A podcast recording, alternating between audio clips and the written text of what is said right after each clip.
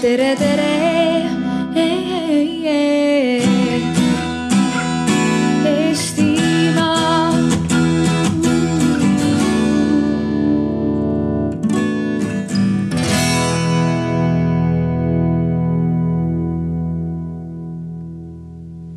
Head kuulajad.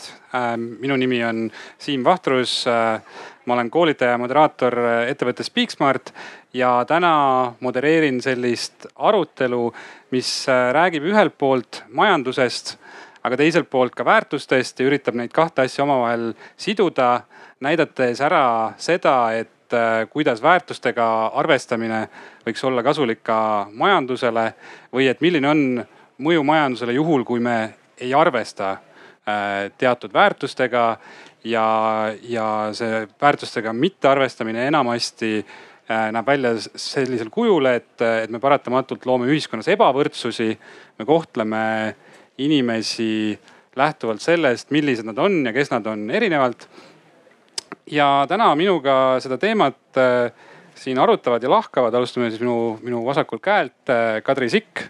tere. Kadri on Eesti Vegan Seltsist edasi on Aet Kuusik Feministeeriumist. tere jah, võib, võib öelda tere võite vastu ka tere öelda, kui see tundub vajalik. siis on meil Kristina Raud Eesti LGBT ühingust. Kristiina. Kristiina, vabandust.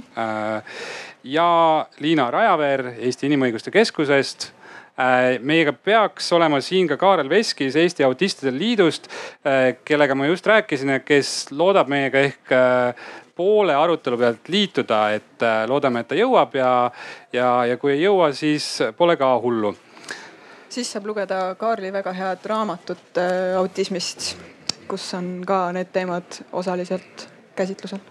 jah, aga selleks, et natukene tausta avada ja, ja rääkida sellest, et milline see ebavõrdsus on ja, ja milles see ebavõrdsus seisneda võiks äh, ähm, me siin tegime niimoodi, et äh, kõik äh, osalejad proovisid oma tutvusringkonnast küsida lugusid, et, et, ähm, et kas ja kuidas siis selline ebavõrdne kohtlemine just tööelus või tarbijana väljendub.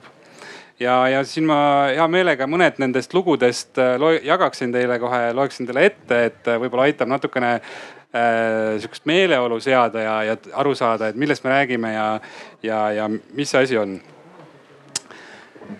alustades näiteks siis äh, autistidest ja sensoorselt ülitundlikest inimestest, siis äh, nagu te palju, paljud teist vist on ka äh, kokku puutunud sellise ähm, uudse, uudse piinamisviisiga nagu avatud kontor äh,. Arusaadavalt ka autistidele ja sensoorselt ülitundlikele inimestele avatud kontor ei sobi äh,. mõningad siis konkreetsed näited ähm,. näiteks siin järgneb tsitaat, et äh, sain kunagi konkursiga EPL-i projektijuhina tööle. kaks nädalat pidasin selles laudas vastu. inimesed olid toredad, aga tööd ei saanud üldse teha. see oli jube. teine näide. Mu töökohas otsustas juhtkond ka, et vajalik on tekitada avatud kontor täis hullumaja, pidime kambas töötama, pluss pidevalt helisevad telefonid, küll asutuse omad, äh, küll äh, kolleegide omad. pidasin vastu lausa kaks aastat. aga sellest jubedusest taastun siiani avatud kontor on kuritegu. vast ehk kaks väga suure suhtlemisvajadusega lärmakat kolleegi nautisid seda. ehk siis äh, konkreetne näide sellest, kuidas ebavõrdne kohtlemine ja erisustega mittearvestamine tegelikult võib inimesi pärssida nende, nende tööelus. aga mõtlesin, et äh, see lihtsalt äh, võib-olla on hea defineerida, mis asi on võrdne kohtlemine, mis on ebavõrdne kohtlemine, et see on hea näide, mille põhjal seda teha.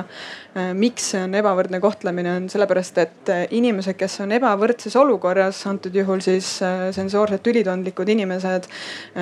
me ei, ebavõrdses olukorras inimesi tuleb kohelda nii-öelda ebavõrdselt, selles seisneb võrdsus.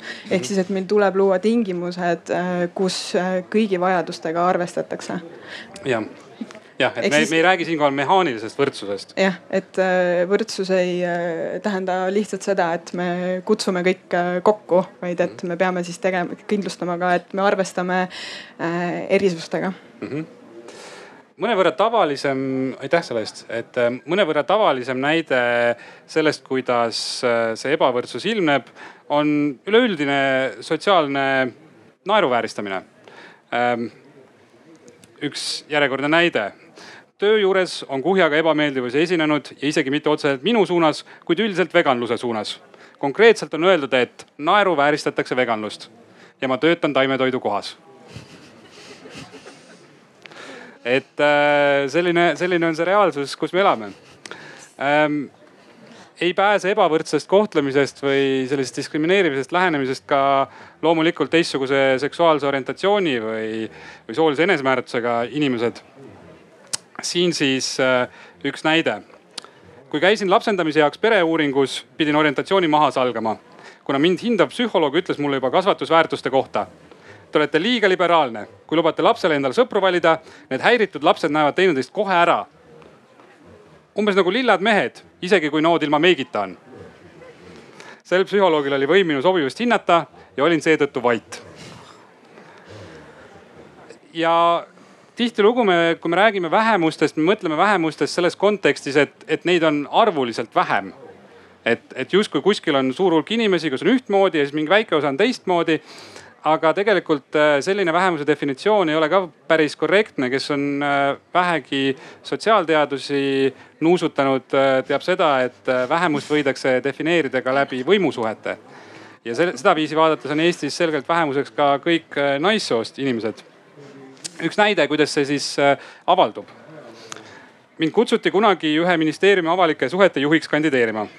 rääkisin personaliga, rääkisin kantsleriga, kõigile sobis siis läksin ministriga rääkima ja paraku ei saanud edasi. hiljem selgus, et minister oli avalike suhete juhiks otsinud meest. saigi tööle mees, kes paraku avalikest suhetest mitte midagi ei teadnud. Ja loomulikult on Eestis ka mitmeid rahvusvähemusi nagu mujal Euroopas võib-olla kõige drastilisem on meil lugu tegelikult äh, roomadega, Äh, keda Eestis erinevate andmete kohaselt võib olla tuhat kuni tuhat viissada, ametlikult on registr, on ennast niimoodi määratlenud siis kuussada viiskümmend inimest circa, kellest täna on ametlikult Eestis tööturul seitsekümmend kaks. Et kui te nüüd mõtlete, milline on Eestis üldine tööhõive tase ja ühest rahvusrühmast on äh, natukene üle kümne protsendi üldse tööl, siis siin ilmselgelt on, on midagi valesti ja tundub, et äh, et midagi vajaks muutmist. et äh, aga nüüd äh, liiguksingi siis äh, nendelt konkreetsetelt näidetelt natukene üldisema pildi juurde ja ma küsikski kõigilt osalejatelt, võite ise vabalt vaadata, kes teist esimesena julgeb suu kes teist esimesena tahab, tahab kohe nagu püsti karata ja rääkida, et, et milles siis väljendub eelkõige ebavõrdsus Äh, teie esindatavas sihtrühmas, kui me räägime just tarbimisest ja, ja tööturul osalemisest, mis on sellised tüüpilised viisid, kuidas me täna osaleme üldse majanduselus? Ma tahaksin alustuseks raamistada seda arutelu enda poolt ühe mõttekäiguga. et äh, paljud need lood, ma arvan, resoneeruvad paljude inimestega, kes esindavad mingit sorti, mingit vähemust. aga isegi kui esindada mõnda vähemust, ma arvan, et hea küsimus, millest äh, alustada Äh, on küsimus, kuidas rõhun mina. ehk siis, et võtta vastutus selle eest, et äh, ma arvan, et see taimetoidu kohas töötamise näide on hea näide, et see, et me ise kuulume mingisugusesse vähemusse, ei tähenda veel seda, et äh, meie ei võiks olla rõhujad kellegi teise suhtes. ehk siis, et oleks aus kui või äh, seista enda õiguste eest, ka samal ajal mõelda, kelle õigusi me võime rikkuda enda tegevusega. ja siin äh, laias äh, laastus mõelda ka sellele siis äh, meist kui ühiskonnast, et äh, milline on see meie ühiskonnakorraldus ja mm, kuidas see mõjutab kõiki, kes me siin oleme. Ja see vaatenurk, mida mina loomulikult esindan äh, selles arutelus, ei ole mitte mm, ainult siis äh, veganite äh, olukord või mis, millised võimalused on nendel, kes tahavad teha vegan valikuid või võtavad veganlust endale identiteediks vaid ka loomade olukorrast rääkida, keda me ei saa siia lauale ilmselt rääkima võtta ja ma arvan, et meil tuleks äh, mõelda oma süsteemide peale, oma hariduse, oma õigu, õiguse, oma majanduse, äh, oma meditsiini täiesti läbivalt äh, kõikide süsteemide peale, millele me oma ühiskonnas toetume. kuidas, millist väärtust need kannavad ja ma tahaksin väita ka ühe konkreetse näite varal, et see väärtus, millele meie ühiskond on rajatud, on sügavalt ekspluatatsioonile rajatud juba eos ja see, see näide, kuidas see ilmsiks saab, tuleb meie suhtest loomadesse läbi seaduste. ehk siis, et kui me mõtleme sellele, et kes on seaduse silmis äh, isikud, siis isikud oleme meie, inimesed ja tänu sellele meil on ka inimõigused, millest me räägime. miks äh, me saame esindada neid äh, rühmi, keda me, keda me esindame ja teiseks on isikud, organisatsioonid ja ettevõtted, mis on oluline siin majanduse kontekstis, eks. ehk siis, et mõnes mõttes on, teeb väga irooniliseks see, et äh, me näeme ettevõtteid äh, isikutena, aga loomi, kes on tundevõimelised nagu meie. ja ma arvan, et igaüks, kes on tundnud mõnda kassi-koera või mere, merisiga, võib seda ka ise tunnistada. et tegemist on isikutega, siis tasub mõelda selle peale, miks on meie seadusandlus selline, et meie suhe loomadesse väljendub ainult läbi omandisuhte ja sellest äh, omandisuhtest loomadesse, ma arvan, äh, algab juba see ekspluatatsioon, millele on rajatud ülejäänud meie institutsioonid. Ehm, jah, ja ma arvan, et äh, kui me seda mm, meeles peame, siis on meil võimalus esiteks mõelda sellele, mis on meie suhe isiklikul tasandil loomadesse, sest et süsteemsel tasandil on paraku olukord selline, nagu ta on. meie ainus võimalus hetkel on isiklikul tasandil lõpetada enda suhtumine loomadesse kui objektidesse. ja hea on läbi mõelda ka, mm, kuidas me suhtume teistesse inimestesse. ehk siis, et sellest saavad väga hästi rääkida mu kolleegid siin võitlusrindel. aga Kadri, ma korra küsin su käest, et ütleme nii, et me teeme selle valiku, et, et me tahame suhtuda loomadesse vähem ekspluatiivselt äh, või, või üldse mitte ekspluatiivselt. Ähm, mis selle tagajärjed on? kas me, kas me siis äh, teeme oma elu sellega lihtsamaks või läheb elu hoopiski keerulisemaks? kuidas, kuidas sulle endale tundub, et, et äh, nii-öelda tarbijana on, on, on lihtne ja mugav olla äh, vegan? ma arvan, et äh, see olukord on sarnane nagu noh, ma siis äh, refereerin Kaarlit tema raamatu põhjal, kuna teda ennast ei ole siin selgitamas, aga see on sarnane sellele arutluskäigule, äh, mida ta räägib autismi kohta. ehk siis, et mis on normaalsus ja kuidas sellega kohaneda, see, mis väsitab tundlikult, tundlikke inimese, inimesi, on mitte, on see, kui sa pead pidevalt äh, tõestama enda normaalsust ja väärtust ülejäänud ühiskonna silmis. Äh, ja sama puutub siis ka, ma arvan, veganlusse paljude inimeste jaoks tõenäoliselt, et äh, kuna sa võid äh, kokku puutuda halvakspanuga oma valiku või oma erisuse äh, pärast, siis see võib olla see äh, koht, kus sul võib olla väsitav. aga tuleb küsida siis, mis variant sellest on see normaalsus ja mis variant mitte. ja noh, seal on mõttekoht muidugi, ma arvan, et see on ka väga puhtalt individuaalne, kuidas keegi sellele survele vastu peab või kuidas ta kohaneb sellega. selleks on kindlasti erinevaid strateegiaid mm. -hmm ma lisaks võib-olla sellele kirjeldatule, millest Kadri rääkis, et teine pool selle juures on kindlasti ka need võimusuhted. et ei ole niimoodi, et ühte nii-öelda siis vähemusse kuuluv inimene on lihtsalt see üks asi ja siis tema suhe võimustruktuuridega sõltub ainult sellest, et äh, ütleme Eesti kontekstis noh, mina kui esindan siin LGBT kogukonna kogemusi siis, et ütleme, eestikeelne lesbi võib väga vabalt suhtuda halvasti venekeelsesse lesbisse või äh, äh, geimees on ikkagi mees, kes võidab ühiskonnastruktuuridest rohkem kui mõni naine, olenemata tema orientatsioonist. et ähm, ei saa nagu ühte gruppi väga niimoodi panna mm. -hmm. ja see rakurss on väga oluline minu meelest ka nagu meeles pidada, et õudselt keeruline on leida normaalset või siis äh, sotsioloogias kasutatud keele järgi äh, nagu normatiivset inimest et need erisused on harilikud ja on nagu normaalne, et inimesed on erinevad mm. -hmm. aga kuidas see küsimus oli, et milles siis väljendub ebavõrdsus? no mm, ma ei tea, naisõigusluse või feminismi seisukohast on see kõige äh,, kõige tuntum asi on äh,, on ähm, palgalõhe või siis jah, majanduslik ebavõrdsus. ja seda, seda saab ka vaadata läbi selle, kuidas need ident-, identiteedid selle naise, keda palgalõhe puudutab, kuidas tal võivad olla tema seda palgalõhe suurust võivad äh, mõjutada veel teised ähm, noh, mingisugused teised identiteedid, näiteks äh, palgalõhet on hästi süsteem, süstemaatiliselt on ju Eestis uuritud ja, ja näiteks äh, jah, seesama keele või esimese keele küsimus et kui palgalõhe Eestis on umbes äh, jah, kakskümmend viis koma kuus protsenti oli vist viimati, siis meeste ja naiste vaheline palgalõhe siis. aga venekeelse naise ja eestikeelse mehe palgalõhe vahe on nelikümmend protsenti.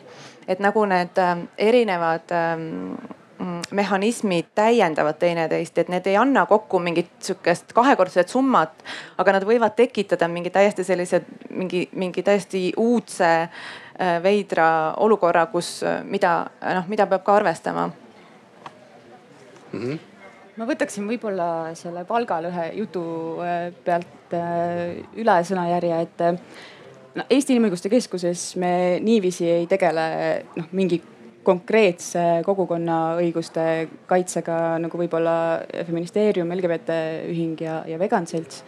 et see spekter või, või inimeste kogum on, on hästi palju laiem, me tegeleme väga paljude erinevate teemadega mm,. aga äh, üks asi, mis äh, ma võib-olla täiendaksin äh, teemade valdkonda, on näiteks vanuseline diskrimineerimine mis äh, meil on ka äh, selline strateegiline hagelemine, mis äh, tähendab siis seda, et me otsime mingi kaasuse, mis aitaks tuua lahenduse palju laiemalt, mitte siis ainult selle ühe inimese probleemile, kes, ähm, kes siis konkreetselt kohtusse läheb, vaid laiemalt siis sellise pretsedendi luua, mis aitaks tulevikus võib-olla vältida mingeid sarnaseid olukordi, milles siis see üks inimene on, keda meie esindame. Äh, et, et ka vanuselise diskrimineerimise kaasus äh, meil hetkel on.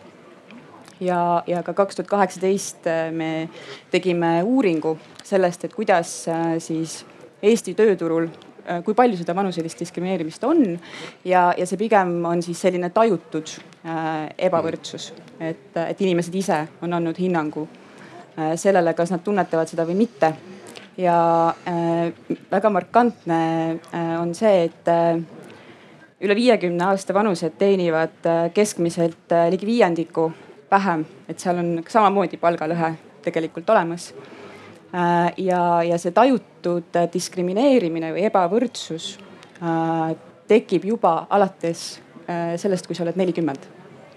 et kõik võite nüüd mõelda, kellel see vanus hakkab lähemale tulema, et see, see ei ole üldse vana inimene, see on inimene, kes on enda sellises äh, võib-olla tööelu äh, nagu kõrgpunktis. aga sellest hetkest see algab ja see, ja see omakorda jälle kumuleerub kõigi nende muude teguritega. kui sa oled Jaa, ve, vana vene emakeelega naine, naine, siis on asi, asi nagu eriti hull ähm,. lihtsalt äh, mulle väga meeldis see mõte, mis siin korra üles tuli, et äh, võib-olla siin nagu ühes tuntud näidendis öeldi, et äh, kas üldse meist keegi on normaalne. Et äh, võib-olla nüüd on koht, kus äh, on võimalus saada publikul omavahel ka natukene tuttavaks, et ma te, paluksin teil teha sihukese väikse harjutuse, annan teile, teile ka võimaluse ennast väljendada. Kõigepealt paari kaupa ja pärast, kui tahate teistele ka rääkida, siis ajage julgelt käsi püsti, et vaadake enda ümber. ja vaadake, kas te näete mõnda inimest, keda te veel ei tunne ja nüüd tuleb selline tõeline sotsiaalne eksperiment, äh, kus te peate sellele inimesele, kes ei ole tunne, keda te ei tunne, vaadake talle otsa, öelge talle oma nimi ja mõelge läbi, et äh, mille poolest teie erinete normaalsest. kas on miski, mille poolest teie ise ei vasta sotsiaalsetele normidele? tuled kõik kapist välja näiteks teil on, teil, teil, teil on kõik tarkusambad alles või, või midagi muud sellist, et aga, aga proovime korra, vaatame, kui normaalsed me siis oleme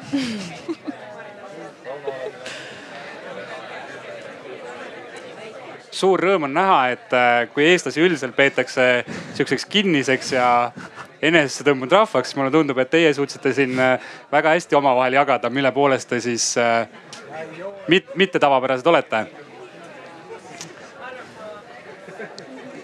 ma hea meelega, kui, kui te nüüd olete omavahel tutvumise ära lõpetanud, et ma hea meelega kui te nüüd olete ennast tutvustanud ja rääkinud, et mille poolest te erinete võib-olla siis ühiskondlik, ühiskondlikult normaalseks peetavast.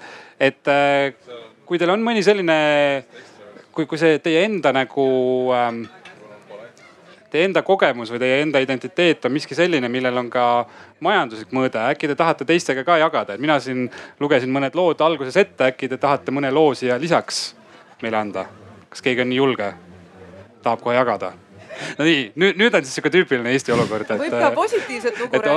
omavahel, omavahel saate julgesti rääkida, aga teistega jagada ei taha ähm,. nii, kui, kui keegi ei taha ei taha, hea küll. ma loodan, et vähemalt omavahel jõudsite te selle järelduseni, et äh, päris äh, sihuke sada protsenti kõikidele normidele ei vasta meist vist äh, küll mitte keegi, aga, aga see ongi nüüd minu arust hea punkt, kust liikuda edasi, et kui me nüüd oleme jõudnud sellele arusaamisele, et me kõik oleme natukene erinevad ja millegi poolest erilised, siis ähm, siis võib-olla sihuke järgmine küsimus, mis võib tekkida, on see, et aga no mis siis, et, et kas see on nagu noh, et, et tihtilugu ju tänapäeval mõeldakse, et noh, et kui inimene on millegi poolest eriline, on see siis puue, vanus, sugu, orientatsioon või mis kõik muu. et siis on see ju selle inimese probleem. et äh, ma nüüd viskakski siis panelistidele üles järgmise küsimuse, mis ongi see, et äh, kas, kas selline tavapärasest erinev olemine, kas see on inimese enda isiklik probleem või on sellel siiski ka ühiskondlik mõõde ja kui sellel on ühiskondlik mõõde, siis milline see, milline see on? no ideaalis ei tohiks probleem olla. ideaalis see peakski olema su isiklik asi, aga enamasti on need teised inimesed, kes teevad sellest mitte sinu isiklikku asja mm. -hmm. ja kui me räägime nüüd majandusest natuke konkreetsemalt, siis ma tooksin ühe näite, mis ei ole küll minu näide, aga minuga jagati seda näidet ja ma nägin seda lähedalt pealt. Äh, minu tutvusringkonda kuulub üks paar, kaks naist, kellel on ühine laps. ja kui nemad hakkasid nüüd viimaste arengute tõttu ennast Eestis äh, ebaturvalisemalt tundma või oma tuleviku pärast rohkem muretsema, siis nad konkreetselt mõtlesid, et nad jätavad maja ehituse pooleli. Nad ei hakka tegema suuri mingi majanduslikke tulevikuplaane ja nad pigem hakkavad vaatama lennupileteid ja otsima elukohta teises riigis. et see käis väga konkreetselt, nad ei ole mingid sellised äh, väga äh, kergekäeliselt ei tee selliseid otsuseid, on kaks haritud äh, kogemustega ühiskonda panustavat inimest kes arvasid, et me lähme ära, et nüüd on see hetk, me lähme ära.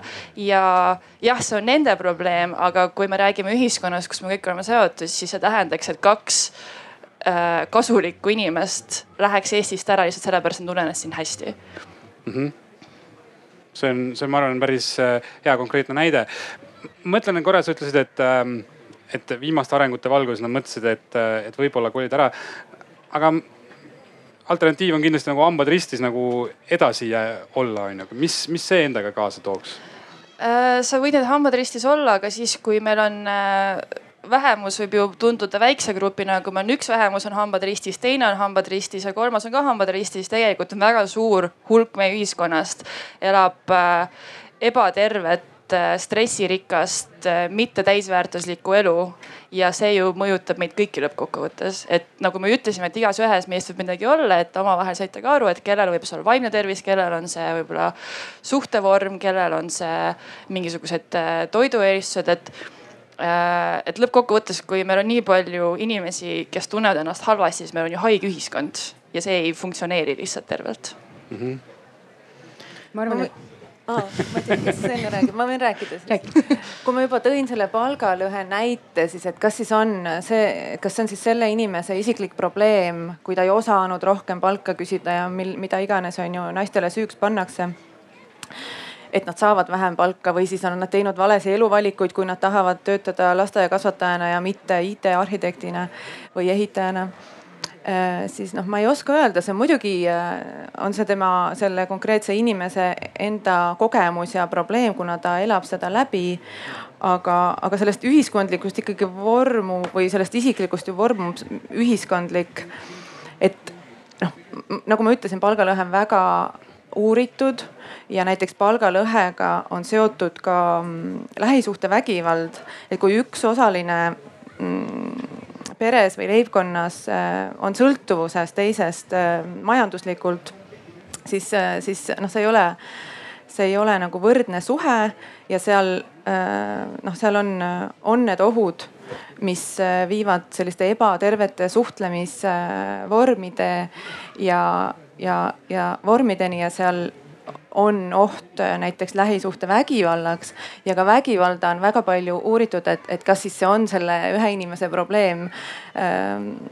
ei ole et, et seoses äh, vägivallaga on äh, mingid tohutud kaudsed kulud, mis puudutavad ohvriabi ja, ja ma ei tea, kohtute tööd ja, ja psühholooge ja töölt kõrvalejäämisi ja et, et see ei ole ainult selle ühe inimese mingi konkreetne valu ja läbielamine.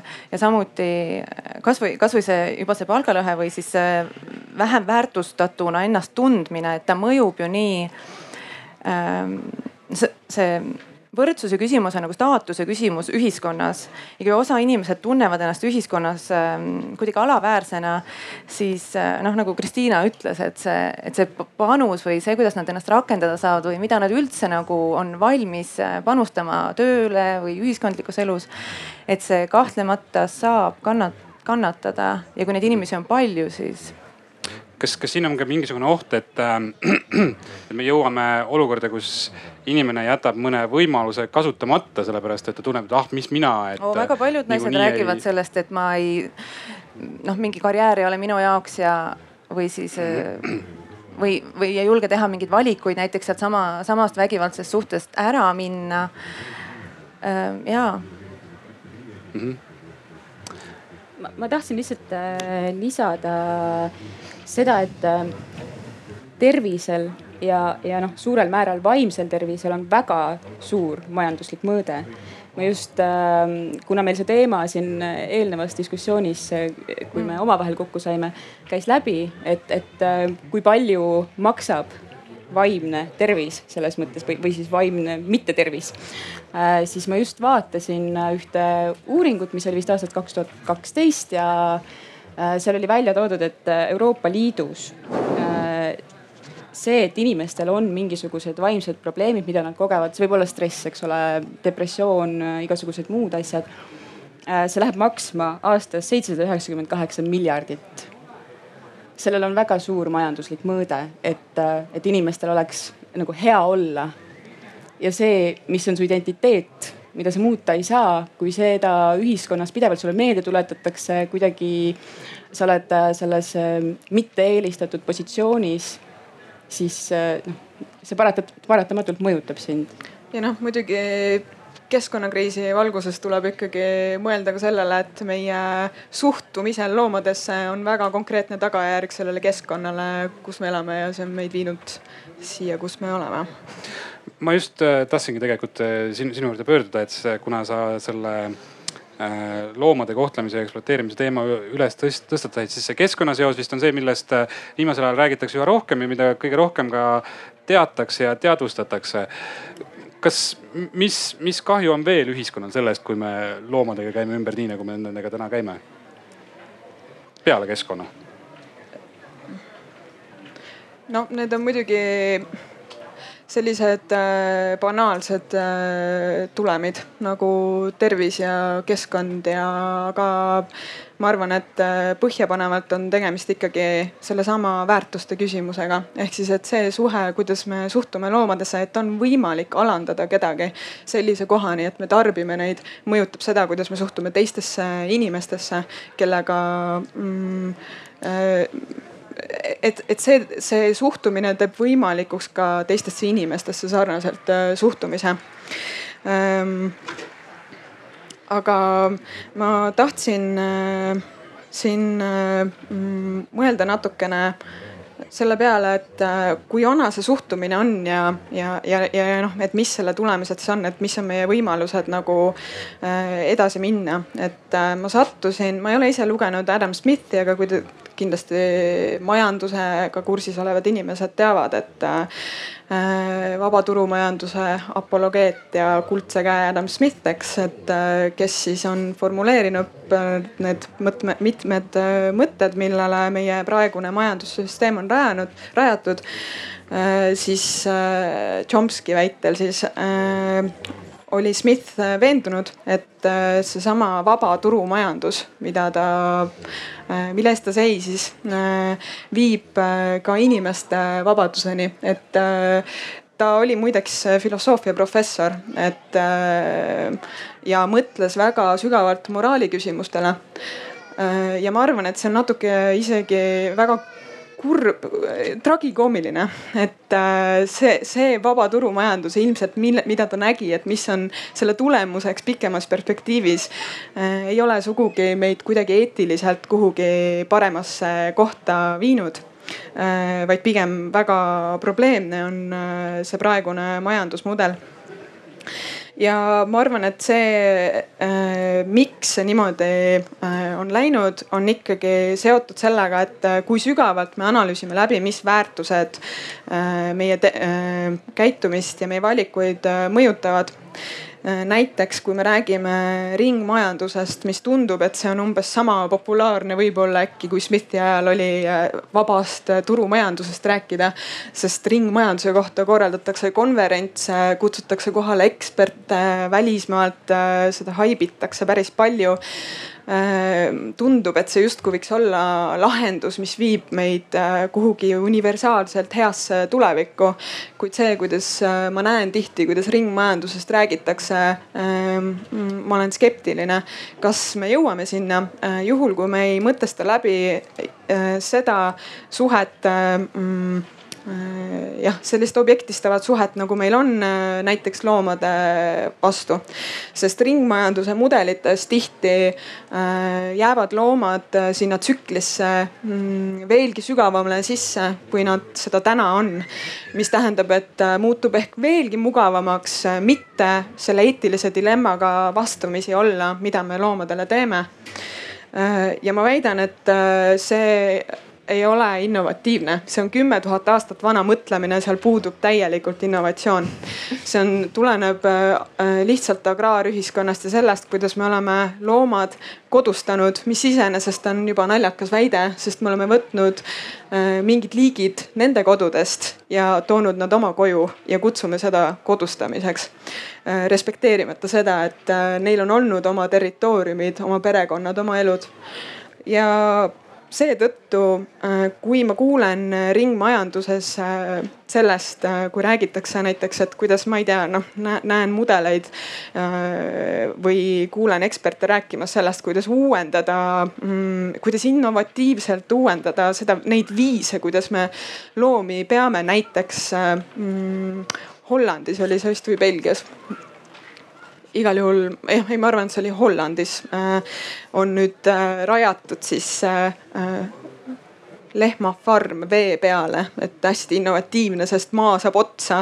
mis irooniliselt saab otsa sellepärast, et me rajame lehmafarme, et nüüd siis rajame neid vee peale.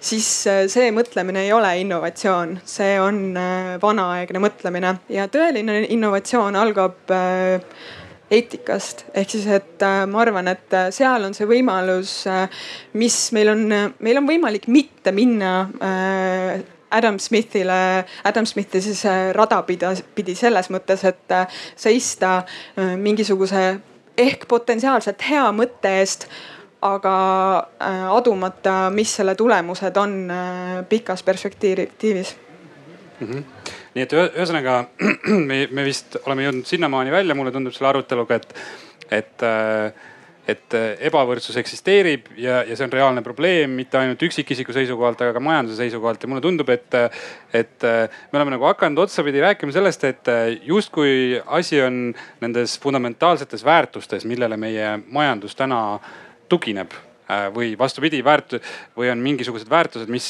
on jäänud arvestamata Äh, või, või mida, mis on täna nagu teisejärgulised. Ähm, majanduses, kui me räägime näiteks tootmisest, tarbimisest, äh, tööl käimisest äkki, äkki prooviks sõnastada, mis, mis on need väärtused, mis täna on kas põhjendamatult esiplaanil või põhjendamatult tagaplaanil? põhjendamatult esiplaanil on ähm, ma ei tea, selline imperialistlik kasvusoov minu meelest. et kasv kui asi iseenesest tundub olevat ähm,, ma ei tea, kuidagi oma elu ära elanud, kui me tahame tõesti mõelda mingisugusest mingit moodi uuenduslikult et seda võib-olla siin Swedbanki telgis veits imelik öelda, aga, aga et võib-olla jah, tasuks üldsegi tähtsustada, kuidas ähm, noh, on ühiskonnas parem elada inimestel ja loomadel, mitte nagu mõelda üldsegi selles skp kontekstis ja mitte olla selles numbris nii kinni, võib-olla me peaksime mingit õnneindeksit hoopis võtma aluseks. aga, aga mis sa ise arvad, miks, miks see on nii, miks, miks me täna seda SKP-d nagu, miks me keskendume SKP-le? no kelle käes on võim, nemad annavad mängureeglid